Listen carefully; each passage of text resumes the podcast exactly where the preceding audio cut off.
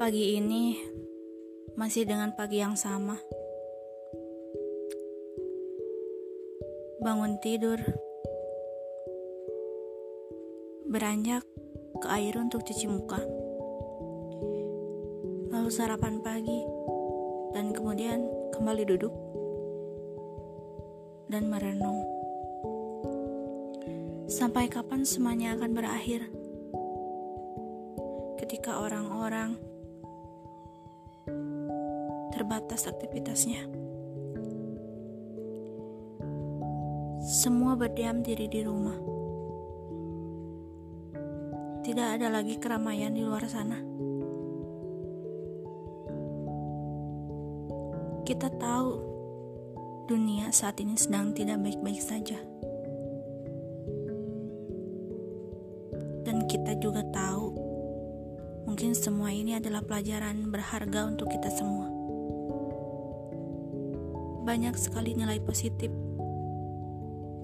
yang bisa kita ambil dalam suasana kali ini. Kita jadi lebih sering di rumah, berkumpul dengan keluarga. Meskipun semua tampak menyedihkan. Karena kita tidak bisa beraktivitas seperti biasanya. Bosan, mulai bosan. Tapi apa daya? Ini semua sudah terjadi. Kita hanya bisa berdoa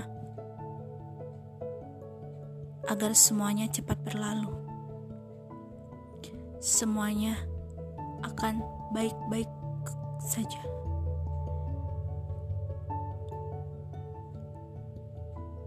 Dan hari ini